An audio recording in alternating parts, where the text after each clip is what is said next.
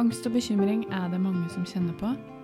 Og det kan jo være veldig vanskelig og veldig tungt. Og spesielt den der angst for angsten. Den der frykten for at angsten skal komme i ulike situasjoner. Så en gjør jo på en måte alt for å prøve å unngå det. Så eh, i dagens episode så skal det handle om angst.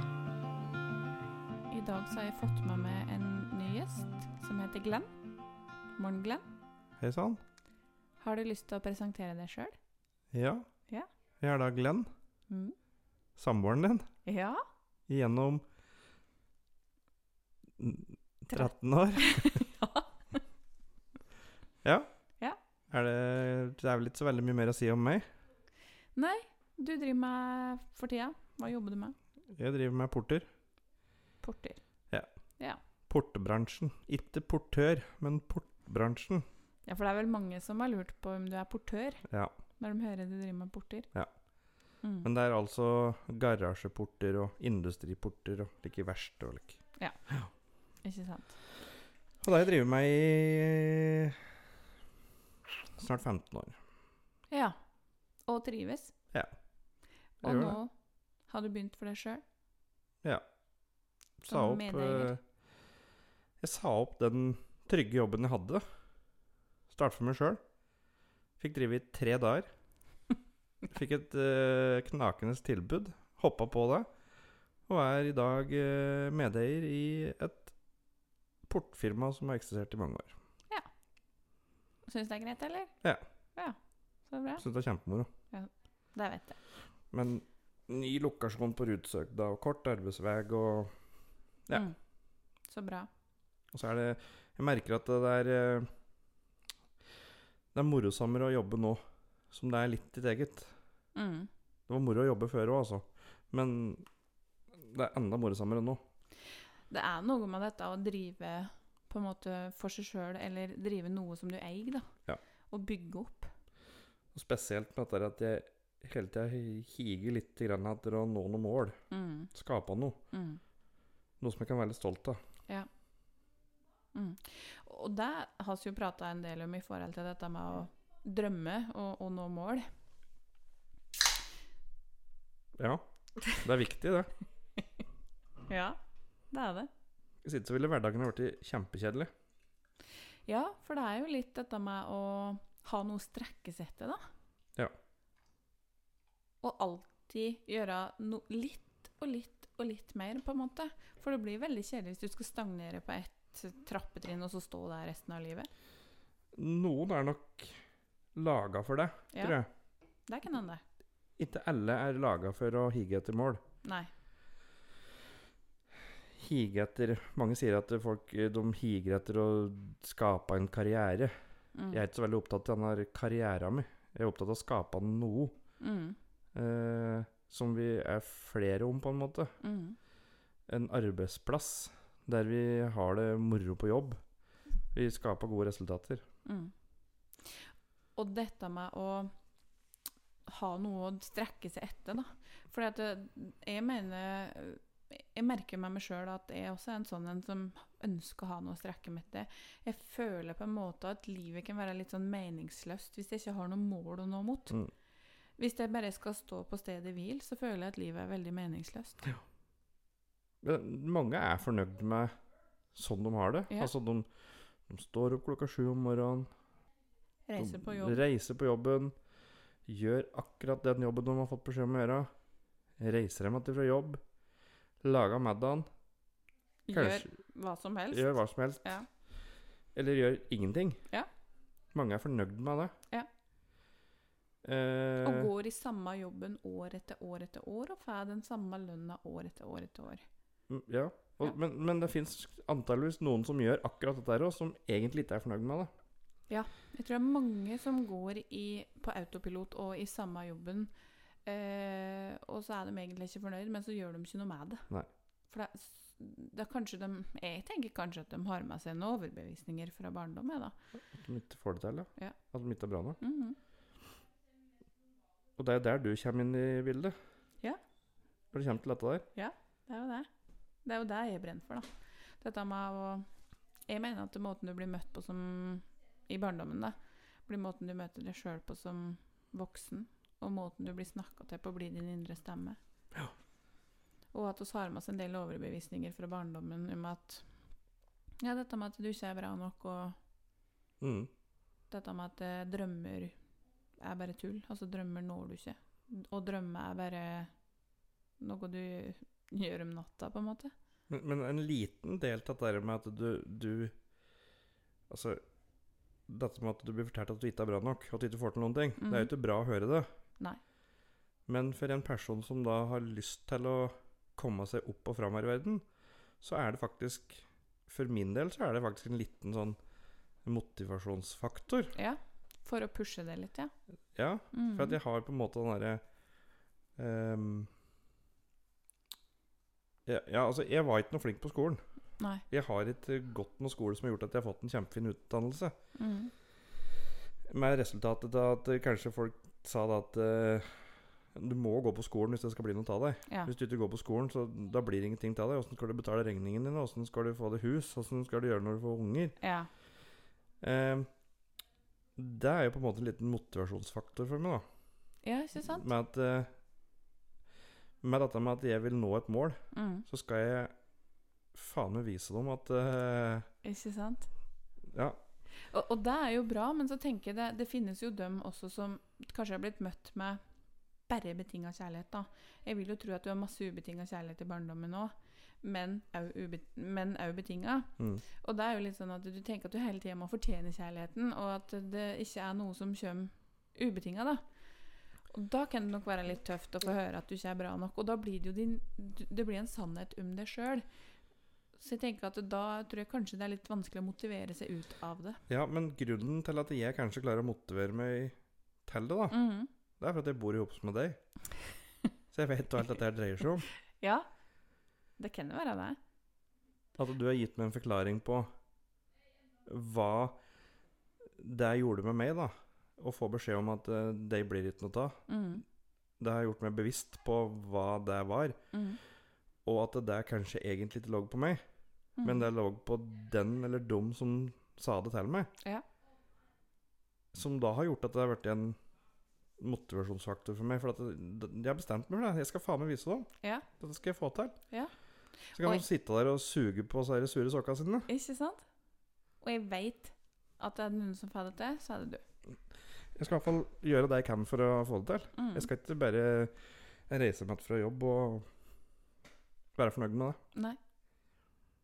Og det er jo Altså, jeg tenker jo Ja, og da, der er jeg inne på dette med at du, du ble bevisst da, Mm. på eh, hvordan Eller hvor dette kom fra, ikke sant? Dette med følelsen av at uh, jeg får det ikke til, så jeg kan Mm. bare la være. Hvor det kommer fra. Og nå har du funnet en litt sånn der motivasjonsboost i det. Og det syns jeg er kjempebra. Ja, det er jo det. Mm. Men det er mye jobb. Og med all den jobben så kommer det jo andre ting òg som kan være utfordringer. Og- Åssen er det for deg å leve med en kognitiv terapeut, da? Eh, Det har jo òg sine utfordringer. Nei, Ja. men det som på en måte er kanskje utfordringa vår, det er at uh, vi begge to jobber mot uh, noen mål. Ja. Noen realistiske mål. Mm. Jeg mener vi skal jobbe mot realistiske mål. Du mener at du skal drømme litt. Ja, vi må drømme litt. Men jeg er jo, som jeg har sagt, jeg er en uh, Jeg er en optimist med erfaring. Så derfor er er jeg litt pessimistisk. Ja, Nei, jeg er ikke pessimist. En optimist med erfaring, det er en optimist som er litt realist. Du er litt mer realistisk enn deg, jeg Ja. men du har blitt litt bedre på å faktisk drømme litt. Visualisere, se for deg. Hvordan kan jeg få det hvis jeg når målene mine? Jo, men uten det så kommer du ingen vei. Nei, du gjør ikke det, altså. Da klarer du ikke å se litt fram i tid, på en måte, som gjør at du gjør de valga da, Mm. som skal til for at du skal kunne nå, om ikke hele drømmen, så i hvert fall deler av den. da. Mm. Mm. Jeg Mm. tenker jeg er kjempefint. Men du, du spurte meg om åssen det er å bo sammen med deg Ja. som en kognitiv terapeut. Yep. Og du er jo superengasjert i jobben din. Mm. Du brenner jo fryktelig for jobben din. Ja, det gjør jeg. Du Veldig. er jo på jobb Mye. når vi våkner om morgenen. Og så legger du det til med telefonen din, og så Ja, men jeg må bare. Og det er jo, det er jo litt sånn utfordringen med at oss begge to setter oss mål, da, og ønsker å nå målet, er vel det at oss er mye på jobb, begge to. Mm. Uh, vi ikke er fysisk til stede på jobb, så er vi mye psykisk til stede på jobb. Ja. I tanken. Uh, og det kan bli utfordrende i forhold til at ungen kan jo merke det litt. Mm. Og um, der har vi en jobb å gjøre, tenker jeg. Men jeg tenker òg at vi har vært igjennom Ja, du har vært igjennom de to første åra dine nå, Mm. ta oppstarten din. Mm. Og jeg har vært gjennom første halve året mitt. Ja. Og jeg føler jo på en måte at det blir mer og mer struktur i det du driver med. Det blir det. Og jeg vil tro at eh, med litt hjelp fra deg, så får jeg ganske struktur på det jeg driver med òg. Som Mm. gjør at vi faktisk kan ta oss fri. Mm. Jeg klarer til dels å ta fri i helgen. Det gjør du. Jeg har nok litt vanskeligere for deg, for at jeg er jo avhengig av dette med sosiale medier, Mm. og er veldig aktiv der. Og føler Jeg er veldig i tanken på det. Mm. Jeg burde ha gjort, jeg skulle ha gjort, og dette er jo Burde jeg jo bruke mine egne verktøy på, for der har jeg jo gode verktøy Ja. for å håndtere men- den kritikeren, ikke sant? Men du er veldig god på å hjelpe andre. Ja. Og Så glem, glemmer du litt av det sjøl. Ja. ja. Men så er det litt sånn, da. Der merker jeg jo i terapi, i hvert fall med noen da, i terapi, så merker jeg at det blir litt sånn sparring. Ja. At jeg også eh, om jeg gir mye i terapi, så får jeg også en del tilbake. Mm. Eh, og der tenker jeg Der merker jeg veldig nyttig. Mm. Jeg har annet ei som jeg føler har vært en litt sånn gjensidig terapi sammen med. Ja. Det er godt. Ja. Jeg merker jo at jeg trenger noen å prate med. Så jeg, Du prater med meg. ja, jeg prater mye med deg. Og så kan jeg jo prate om alt. Både oppturer og nedturer og Bekymring og grubling og alt. Ja. Alt som vi eh, har på hjertet. Så der har vel vi kanskje en fordel Mm. i forhold til mange andre som vil nå noen mål. Ja. Nå vet jeg at det er mange som ønsker å nå noen mål, som bruker folk å prate med. Om det er en coach, eller om det er en samtaleterapeut, eller hva det nå er. Mm. For å være med å sortere tanker. For du klarer på en måte ikke å sortere det du har på huet ditt sjøl. Da er du god, i hvert fall. Ja. Og, der, der tenkte jo jeg til å begynne med at uh, dette skulle jeg klare alene. Mm. Uh, men oss sitter ikke på pub. Det er bare guttungen som bråker litt i bakgrunnen her. Han spiller Fortnite. Ja, han spiller Fortnite. Um, der tenkte jo jeg til å begynne med at jeg trengte jo dette skulle jeg klare helt alene. Mm. Uh, ganske tidlig i starten så fikk jeg jo en slags mentor i um, en kar i Brumunddal Mm. som hjalp meg mye. Uh, og så, etter hvert, så fant jeg ut at nei, jeg må prøve en coach. Og det har vært gull verdt for min del, altså. Absolutt. Ja, Sjøl om vi sparer mye òg, så er jeg veldig oppi det samme med deg. Mm. Du er det, du står i det samme, og du hører det samme som jeg sier, og du også blir på tenken veldig likt. Da. Ja. Eh, så det er dette med å få et annet perspektiv på ting, og få noen til å stille deg litt sånn kritiske spørsmål som du ikke har tenkt på sjøl. Mm. Men du trenger ikke å være den som higer etter en karriere for å få hjelp med tankene dine. Nei. Altså, det kan være hva som helst. Det kan være at du er lærer og ønsker å møte elevene dine på en bedre måte. Mm. Og det kan være ja, hva som helst, egentlig. Ja, egentlig. For det handler jo ikke om bare å, å strekke seg etter noe, eller å karrieremessig, da. Men det handler om å ja, Jeg mener at det handler om å komme litt sånn tilbake til seg sjøl, begynne å bli glad i seg sjøl igjen. For veldig ofte så går vi på autopilot. Eh, og så pleaser han alle andre, og gjør som du, Du tenker er forventa av deg. Du gjør den arbeidsoppgaven fordi at det er minst hassle. Ja. Altså, jeg har ikke tid til å rydde dette lageret, men jeg bare gjør det. For Ja. da slipper jeg den derre Da slipper jeg å si nei. Ja, For det er ubehagelig å si nei. ubehagelig Jeg bare gjør si det. Mm. Og det, det er ikke sikkert du tenker at uh, det er et problem for deg Mm. i hverdagen. Nei. Men, Men men, du... men, hvis den personen sitter i stolen her, og du spør den personen Ja. Hva er det du egentlig tenker om at du tar på det og gjør at det er uh, ryddig dette lageret? Hva vil du? Hva, hva, hva trenger du? Mm. Ikke sant? Hvor kommer du opp i alt dette her? Det er jeg veldig opptatt av.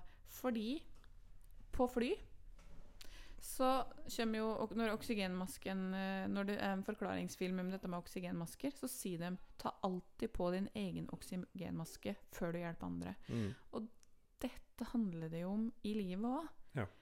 Du må først kjenne etter og fylle det sjøl, på en måte, med energi og egenkjærlighet og sånn.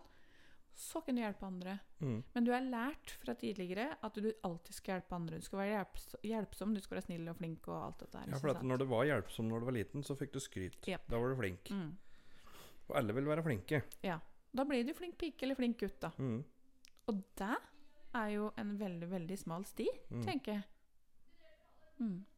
De skaper Som ikke skaper, men har med seg mye dritt, da. Mm. Han sett deg i sånne kjipe situasjoner. Mm. Du har sagt ja til å gjøre noe du absolutt ikke har lyst til å gjøre, men du Mm. gjør det for at eh, da blir du fornøyd. Ja. Og så blir du i dårlig humør, Mm. og så blir du deprimert. Mm. Og så gjør du at det her opp igjen og opp igjen og opp igjen. Mm. Og så til slutt møter du veggen. Og så møter du veggen, Mm. og så får du angst. Ja. Og depresjon. Og det baller bare på seg. Og så blir du sjukmeldt. Ja. Og da er det i hvert fall mislykka hvis du blir sjukmeldt.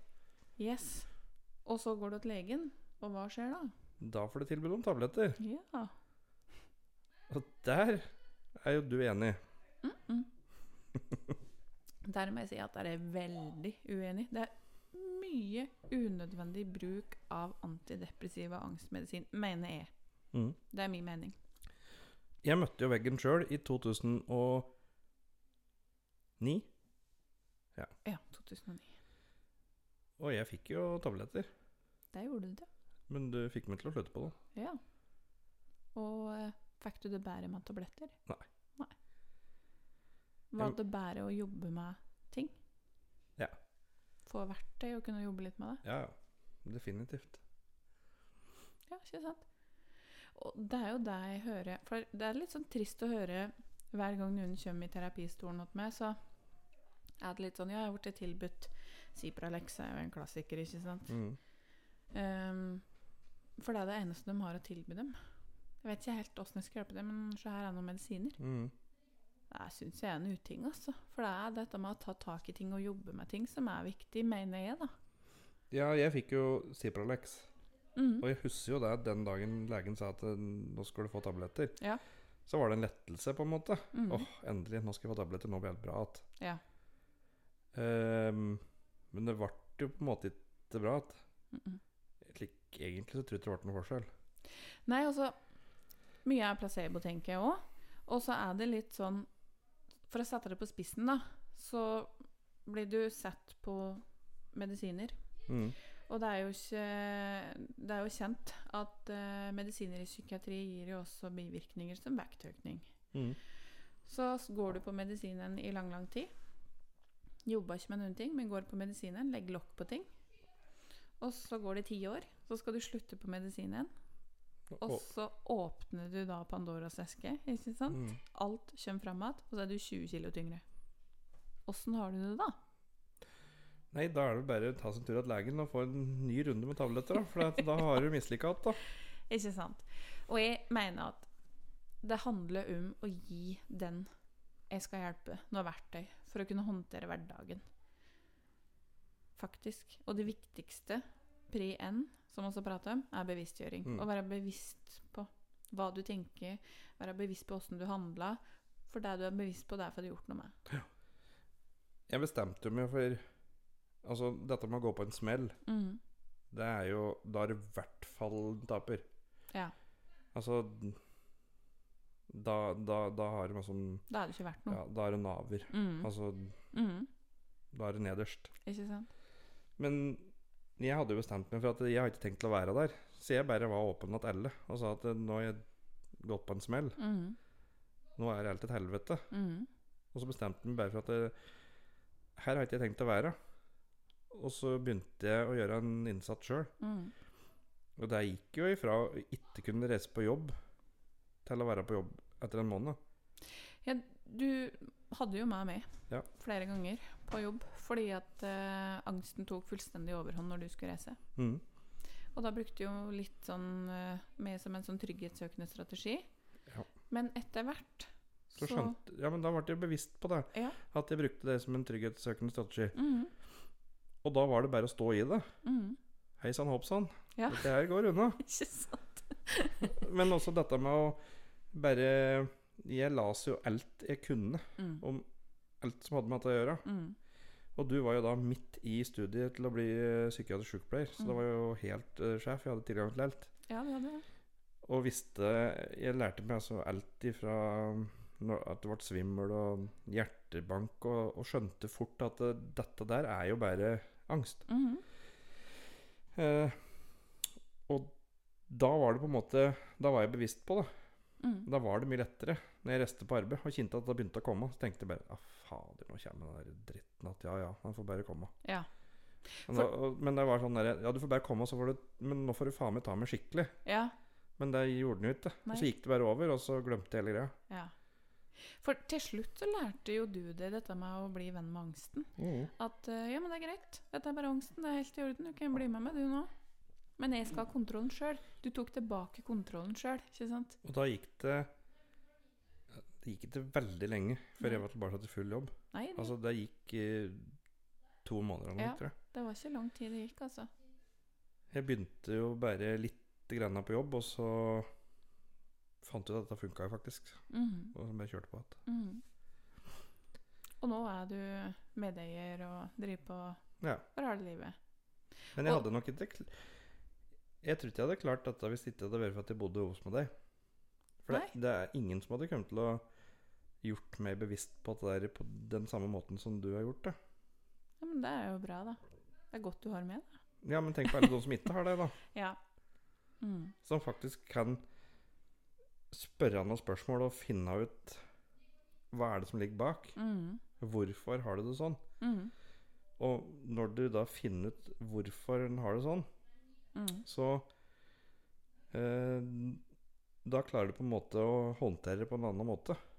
Enn en, at du du skal gå der og ikke vite hva dette er for noe.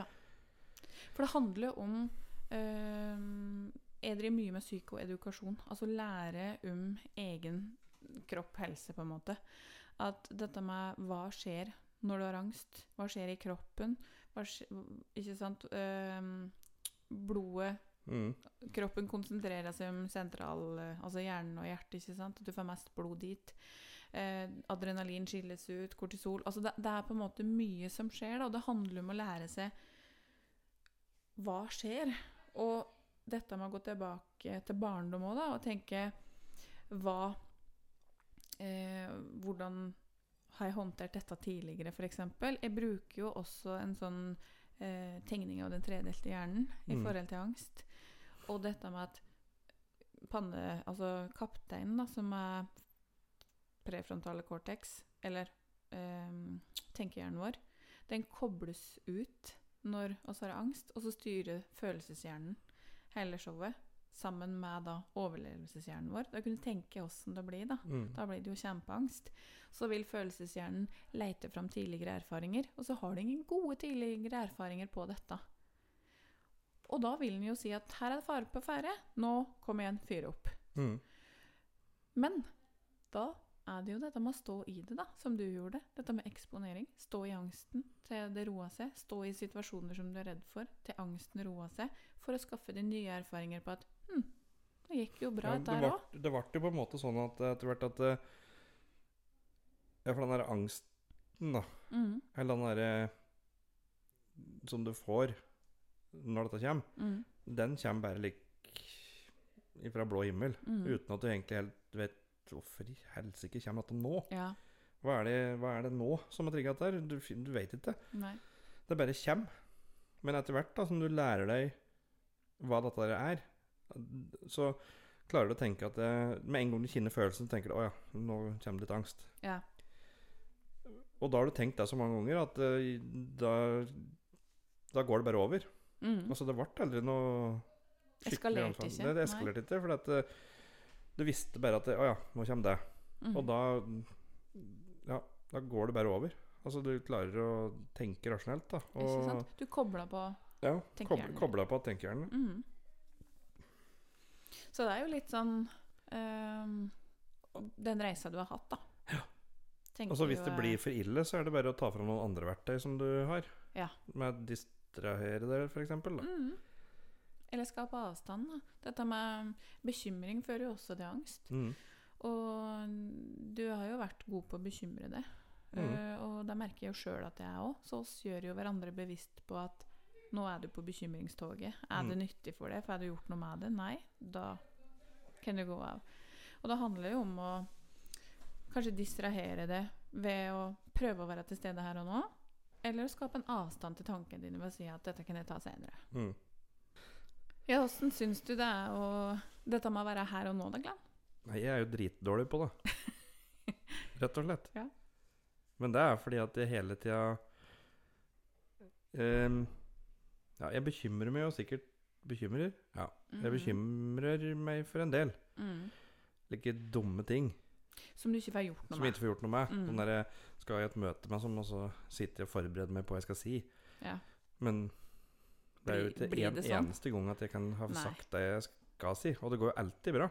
Ja. For det er veldig ofte sånne ikke sant, Bekymring handler jo om framtidsbekymring. Dette med 'tenk hvis'. Mm. Hva hvis dette skjer? Tenk hvis det blir sånn? Hva skal jeg si hvis den sier det? Og det har du jo vært veldig god på. Det har jeg vært veldig god på. Mm. Det har jeg brukt mye tid på. Ja. På å bekymre meg for ting jeg ikke har fått gjort noe med. Mm. Men nå i det siste så har jo du catcha veldig godt disse verktøyene. Mm. Siste årene. Ja, for nå har jeg vært, har jeg vært med deg Mm. Jeg har vært med deg og laga kurset ditt. Ja. Og jeg har vært med og lært alle, alle verktøyene du bruker der. Ja. Og de verktøyene har jeg brukt sjøl, Mhm. og de har hjulpet meg kjempemye. Så bra. Nå kan jeg faktisk legge meg om kvelden, og så begynner jeg å bekymre meg for eh, Ja, har jeg huska på Har jeg huska på å sendt dette tilbudet? Eller har jeg huska på å funnet fram alle deler som de skal ha med seg ut på neste jobb? Eller Ja. Mm. Tenk hvis Ja, ja, da ligger jeg og bekymrer meg for disse tingene der da, om Ja. kvelden når jeg skal sove. Men nå har jeg lært meg til å tenke at eh, det er ikke noe vits i å ligge her og bekymre seg for det. For at dette får jeg ikke gjort noe med likevel. Dette må jeg bare ta i morgen tidlig. Ja. Må jeg bare sjekke da. Ja. I verste fall så får jeg stå opp ti minutter før og reise bitte litt før. Mm. Bare for å kontrollere det. Ja. Og det, nå, jeg, nå, nå legger jeg det fra meg. Så bra. For det har jo du slitt lenge med. Du har jo irritert deg over at jeg har klart å på en måte være tanketom. Uh, Ja, du er jo verdensmester i det. Du tømmer hugget ditt og legger det på puta så er vi etter 20 sekunder. Ja. Men, men jeg, jeg ligger nok litt lenger enn det før jeg får sove. Men, men det går ikke så lang tid nå Nei, som du gjorde gjorde. Nei, men jeg, men jeg bruker jo stadig at det med å sende mail til meg sjøl. Ja. Hvis det er noe som jeg ikke skal glemme. For det er Mm. veldig, var jeg veldig god på. Da var det liggende omtrent hele natta og tenke på det der fordi at jeg var redd for å glemme det. Mm. Men nå har jeg begynt på en måte å bare ta telefonen min fra nattbordet, og så har jeg bare sendt en mail til meg sjøl med bare et stikkord. Så kommer jeg jo på det dagen etterpå. Ikke sant? Så det hender seg jo at jeg kommer på jobb om morgenen, og så ser jeg at jeg har fått mail til meg sjøl klokka 20 over 3 om natta. Men da har jeg brukt bare 20 sekunder da, Ja. på det der, og så ser vi videre. Ja. I stedet for at jeg blir liggende der i to timer og tenke på det. Mm. Ja, men det er jo bra. Og det er jo et av de verktøyene som er i forhold til ja, dette kurset mitt. da. Både kurs i dette med grubling og bekymring, men også dette med selvfølelse. Mm. Mm.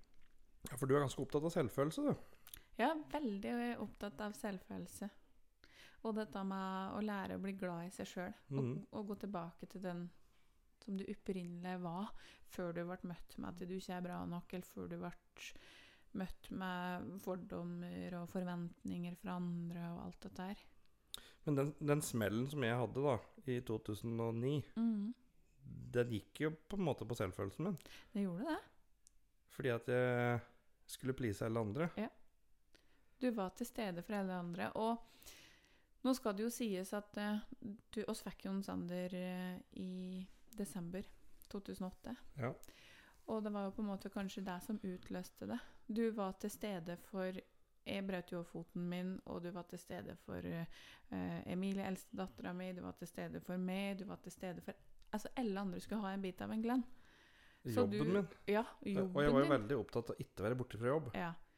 Men når det er meg som måtte For du klarer jo da kunststykket å bryte opp beinet ditt oppi alt dette her, da. ja. Og kunne ikke bære rundt på en Sander når, var, når han var liten, så jeg måtte jo være hjemme. Mm. Og i starten så var det meg som Ja, vi var på den kvelden som det brøt av beinet ditt, det husker jeg veldig godt. Der var, der var den kvelden det toppa seg. Ja.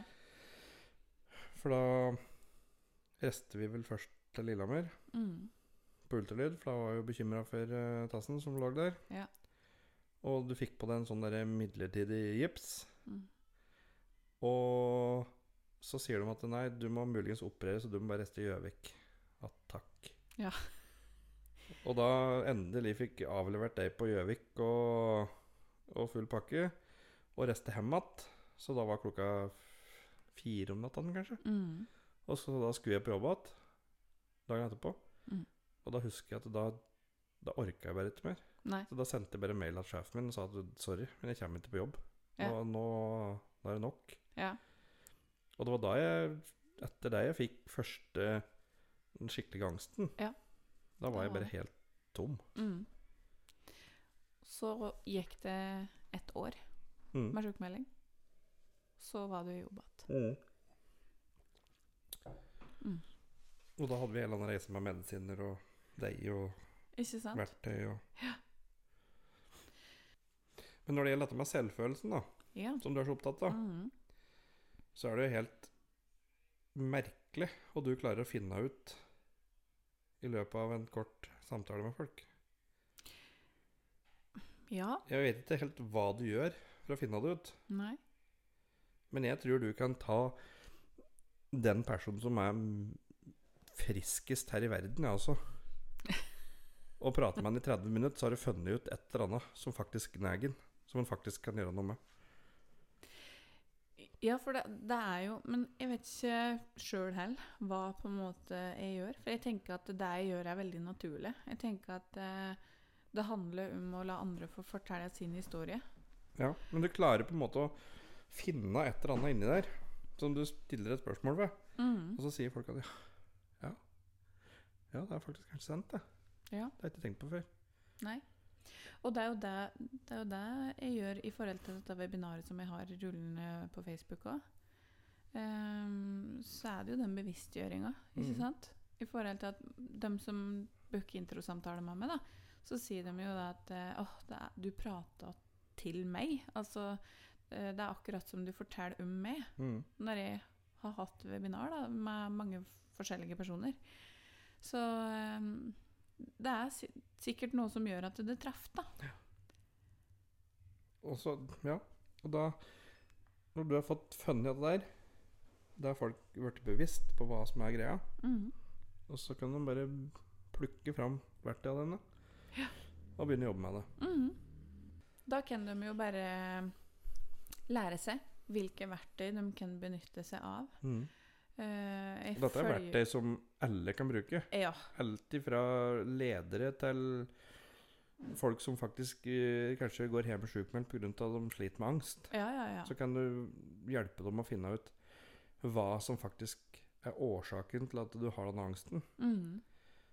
Og når du har funnet ut de årsakene, når du har vært bevisst på det, mm. så kan du ta disse verktøyene, og så kan du eh, bruke dem, Mm. øve på dem. Mhm. Og da får du det bedre med deg sjøl. Ja, og samtidig som at uh, det også er viktig å tenke ha en sparingspartner, da. Mm. Um, som jeg òg har i det, ikke sant. Og så er veldig gode til å spare, spare hverandre, både gode og av og til litt dårlige. Og Ja, for du er ei drittkjerring til tider. ja, jeg kan være det. Eller kan jo være det, tenker jeg. Ja. Og så har vi jo bare gode sider. Men jeg har jo lært av gå. Og det, det er greit. Ja, Det er greit, det Jeg bryr òg. meg ikke noe om det. Nei. Og jeg kan jo stille det litt i vekst. Jeg kommer ihåg jeg sa det en gang med det at uh, hva er det i det nå som gjør at du blir irritert på meg? For dette er ditt og ikke mitt. Og da er det litt sånn åh, Sikkert barndommen, da. Og der har vi jo en like interessant greie som du kan fortelle litt om. Som eh, Hvis det er folk har giddet hørt så lenge på den podkasten at de er med helt hit. Mm. For det syns jeg faktisk er litt spennende. Og det har jeg ikke eh, tenkt så mye over, og jeg faktisk ikke skjønt så veldig godt heller, før i det senere. Men dette der du sier om at eh, eh, hvis det er jeg prater med noen, Mm. og så eh, gir de meg en følelse av Dårlig samvittighet. dårlig samvittighet, da. Mm. Og da er det jeg som føler dårlig samvittighet. Ja. Mens hvis du begynner å, å, å se litt på det, Mm.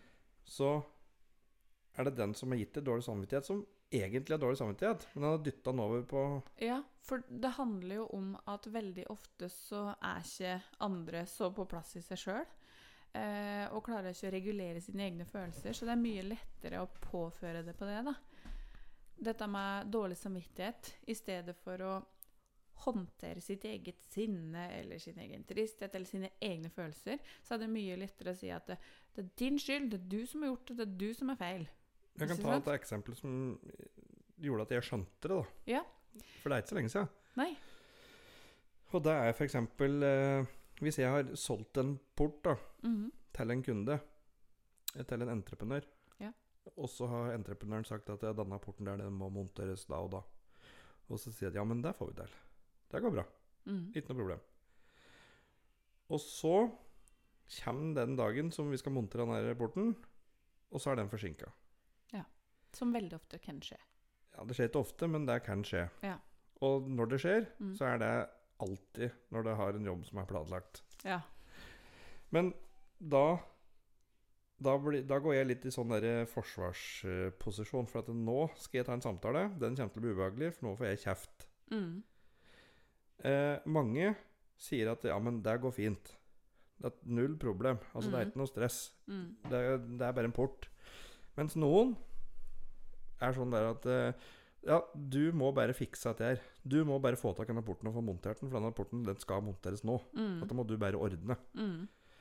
Og det jeg ikke hadde tenkt på før da, det var at eh, den, den dårlige samvittigheten jeg får da, Mm. den får jeg antageligvis av kunden min.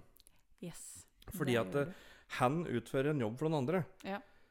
Eller han jobber i et firma med en sjef over seg. Mm.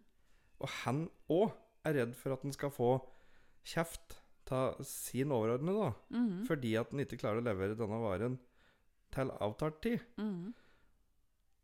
Og da dytter han den dårlige eh, samvittigheten si Ja. over på meg. Ja. Men hvis han da hadde vært litt mer eh, Hva skal jeg si for noe? På plass i seg sjøl. plass i seg sjøl. Hatt litt bedre selvfølelse, da. Ja. Så, og, og vært en sånn person som eh, faktisk kunne fått litt skuring av sjefen sin Mhm. om at denne porten Og tenkt at ja, ja, men det er bare en port, så ja, ja, Mhm. du får bare være så sur du vil. Dette går helt Mhm. fint. ja. Så ville han antageligvis òg ha hatt den holdningen over meg. Ja. Så det er jo det at det, andre påfører oss jo følelser som ikke er våre. Og den entreprenøren, da, den sto jo med pekefingeren og sa at du må fikse, det er din skyld, det er du, det er du, det er du. Mm. Og når du peker på noen, Glenn, Ja. hva har vi lært da? Nei, da er det fortsatt tre fingre som peker tilbake på deg sjøl, da. Ja. Derfor så skulle hen gått i det, det er hans, ikke sant? Mm. Det er ikke ditt. Når hen peker på noen og sier det er din skyld, det er du, så handler det om at det er hen.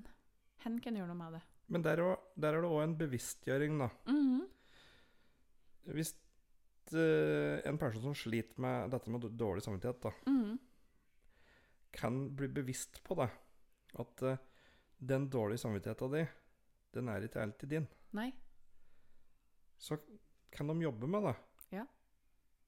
Og, og dette med å kunne eh, gi andre på en måte litt eh, den hvite stokken. Eh, altså at du kan tenke at eh, kanskje hadde denne entreprenøren en skikkelig dårlig dag. Kanskje han fått en dårlig beskjed i løpet av dagen. Eh, kanskje han hatt dårlig søvn. Så det, det veldig ofte så tenker vi at det handler om meg. Men det handler like mye om den andre. Dette med at når andre er sure på det, så kan det hende at det er noe i dem.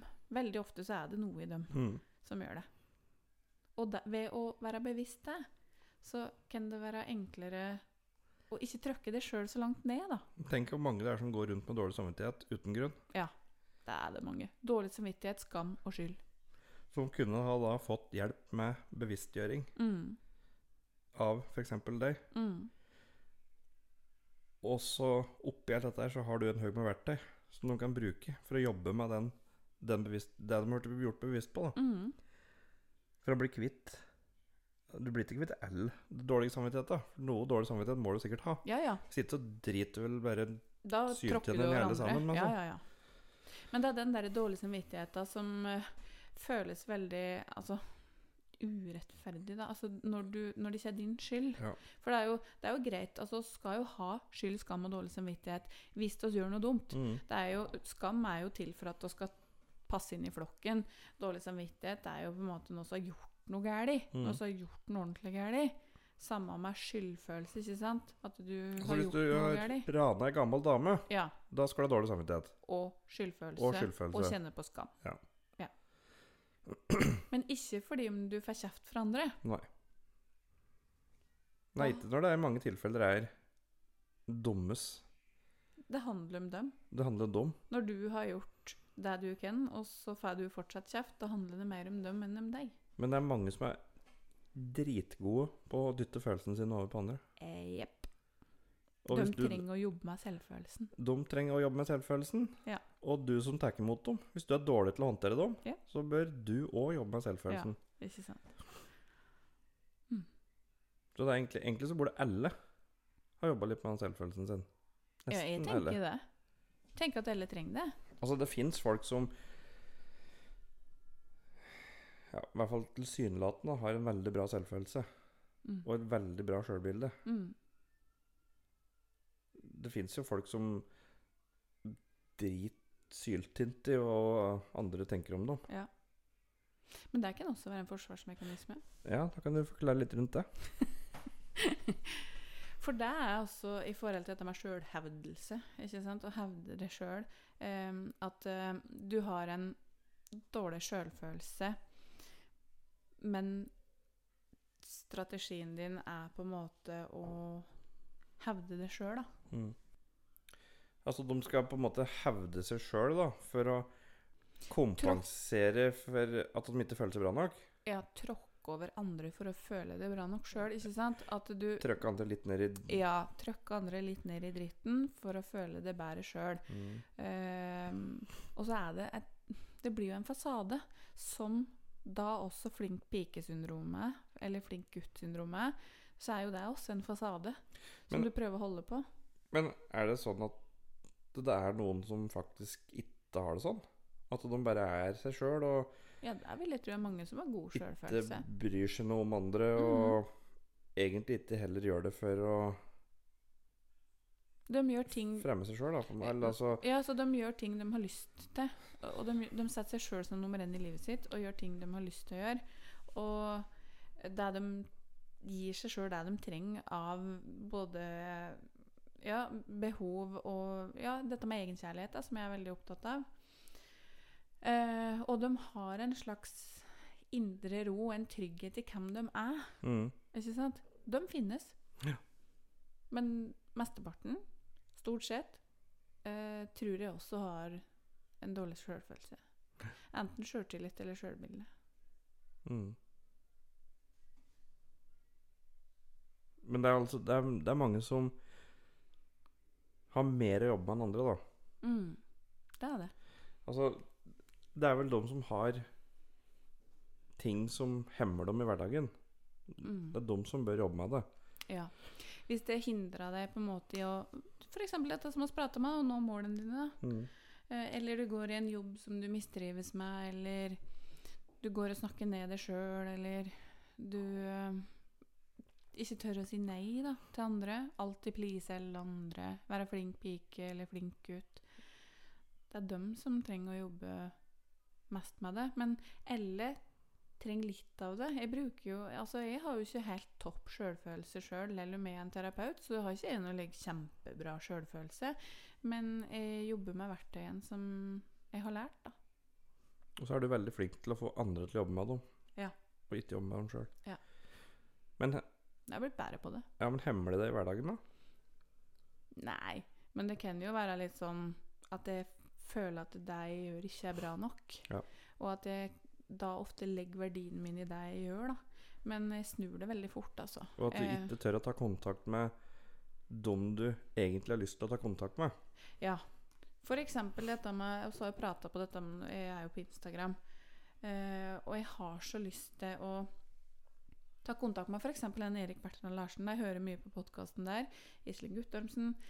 Og dette med å tørre å ta kontakt med noen som jeg syns er spennende å prate med, og som deler litt samme tanken som jeg gjør, da. Men hva, hva er du redd for, da? Jeg er vel redd for å bli avvist, tror jeg, faktisk. Når jeg tenker etter. Redd for å masse om at andre skal si 'herregud, faen, hvem du tror er'? Men det, nå, nå er jeg jo plutselig havna i din stol her. Ja. ja. Men hva, hva er det Om du skulle bli avvist, da, Mm. så hva, hva er det du tenker da? Nei, da, da føler jeg meg litt som en dårlig, dårligere person. Men tror du at hvis det er du tar kontakt med en av dem, Ja. tror du de sender en melding tilbake og sier at nei, vet du hva, det gidder i hvert fall ikke å prate med? Nei. Hva tror du de gjør i stedet for? da? Enten så takka de pent nei, eller så de, fortsetter de å prate litt, eller så kanskje de sier ja, da. Mm. Hvis de bare takker pent nei, ja. Ja, det sier jo egentlig ikke noe med det. Nei. Det sier mer om dem. Det gjør det. Absolutt. Takk for den, da. Jo, men eh, Ja, men takk for eh, den lille terapisession. Ja, jeg kan komme over mer, jeg. Mm. Nei, men dette der vet jeg jo Dette har jo vært et tema hele tida. Mm. Altså, det er mange jeg har men- ment at du skal ta kontakt med. Ja. For at jeg vet at det er du sitter med, det er mer enn mange andre sitter med. Mm. Jeg vet at det du gjør, er mye bedre enn mange andre. Mm. Sjøl om du ikke tør å si det sjøl. Ja. ja, men også når det kommer folk til deg som har gått i terapi i 10-11 år, Mm. og sier at det at vet du hva, jeg, jeg føler at jeg har fått mer utbytte etter to timer med deg Mm. enn jeg har fått i terapi i 11 år. Ja. Da er det helt tydelig at du gjør noe annet enn det den, de terapeutene den personen har gått til. da. Ja, det er sant. Altså, da har de kommet til et Du er ikke et samlebånd. Nei. Der du bare skal skyfle unna lista di for dagen. Nei. Du, du har på en måte Du setter tid til hver enkelt person. Sånn mer.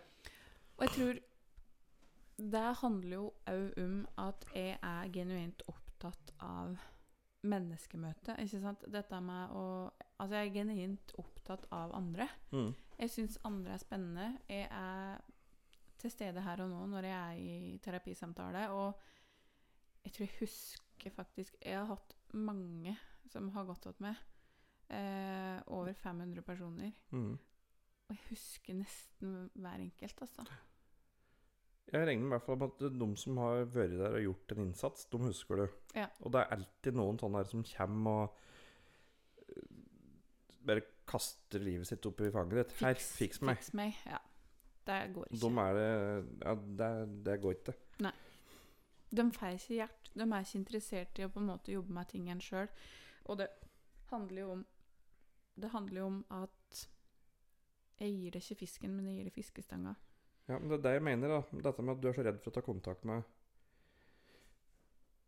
de du skulle ønske at du hadde tort å ta kontakt med, da. Mm. Fordi du er redd for at de skal mm, avsløre det, er det det du sier? Mm. Og si at uh, det du driver med, er ikke bra nok. Ja. Men du vet jo innerst inne at det du driver med, er dritbra. Jeg og jeg vet at de hadde syntes det hadde vært interessant å prate med deg om ditt syn på selvfølelsen, da. Mm. Ja. For det er ikke mange som jobber ut ifra selvfølelsen. Nei, det er stort sett når folk kommer eh, fra det offentlige eller sånt, så handler det om at du må jobbe med angst eller depresjon. Mm. Men ikke hva som ligger bak. Nei. Og kognitiv terapi er jo veldig sånn her og nå-terapi. Mm. Men samtidig så tenker jeg at det er så viktig også å, å forstå den i grunnmuren. Jeg prater jo mye om dette med huset, husmetaforen. Mm.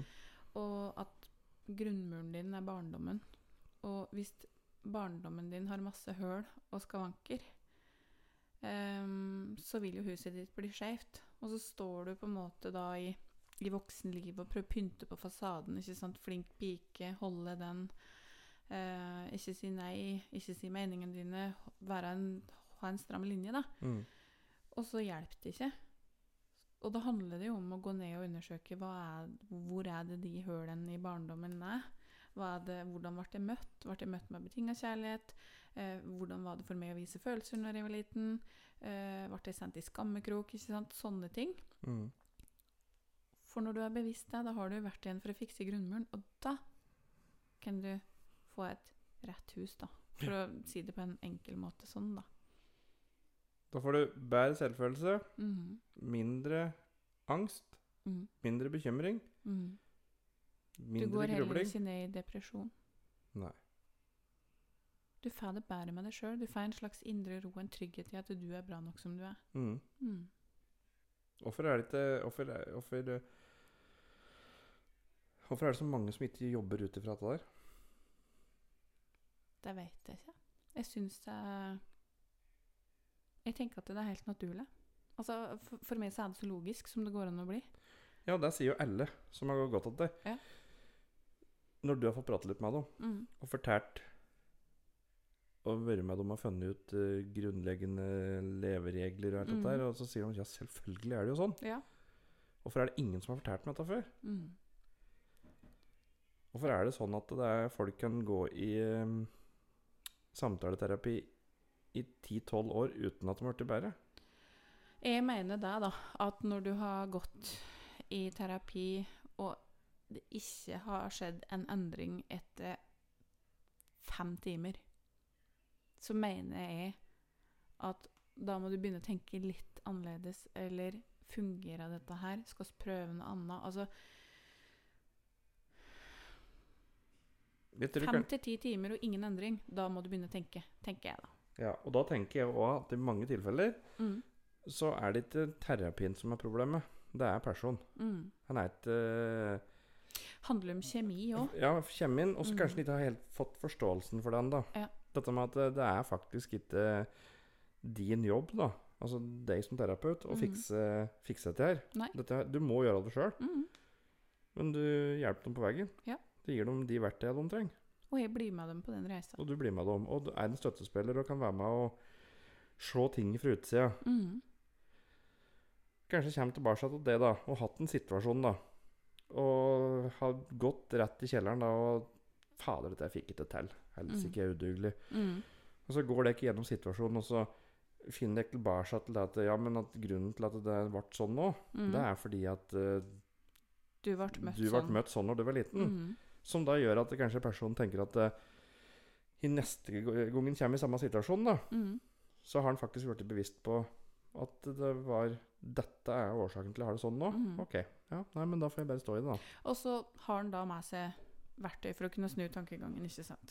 For det er jo det jeg jobber mye med. For oss har jo Elle både en Altså så har Elle en indre kritiker eller en indre sjølmobber da, Mm. som styrer. Når du har en lav selvfølelse, så handler det om å snu litt på tankegangen din. Mm.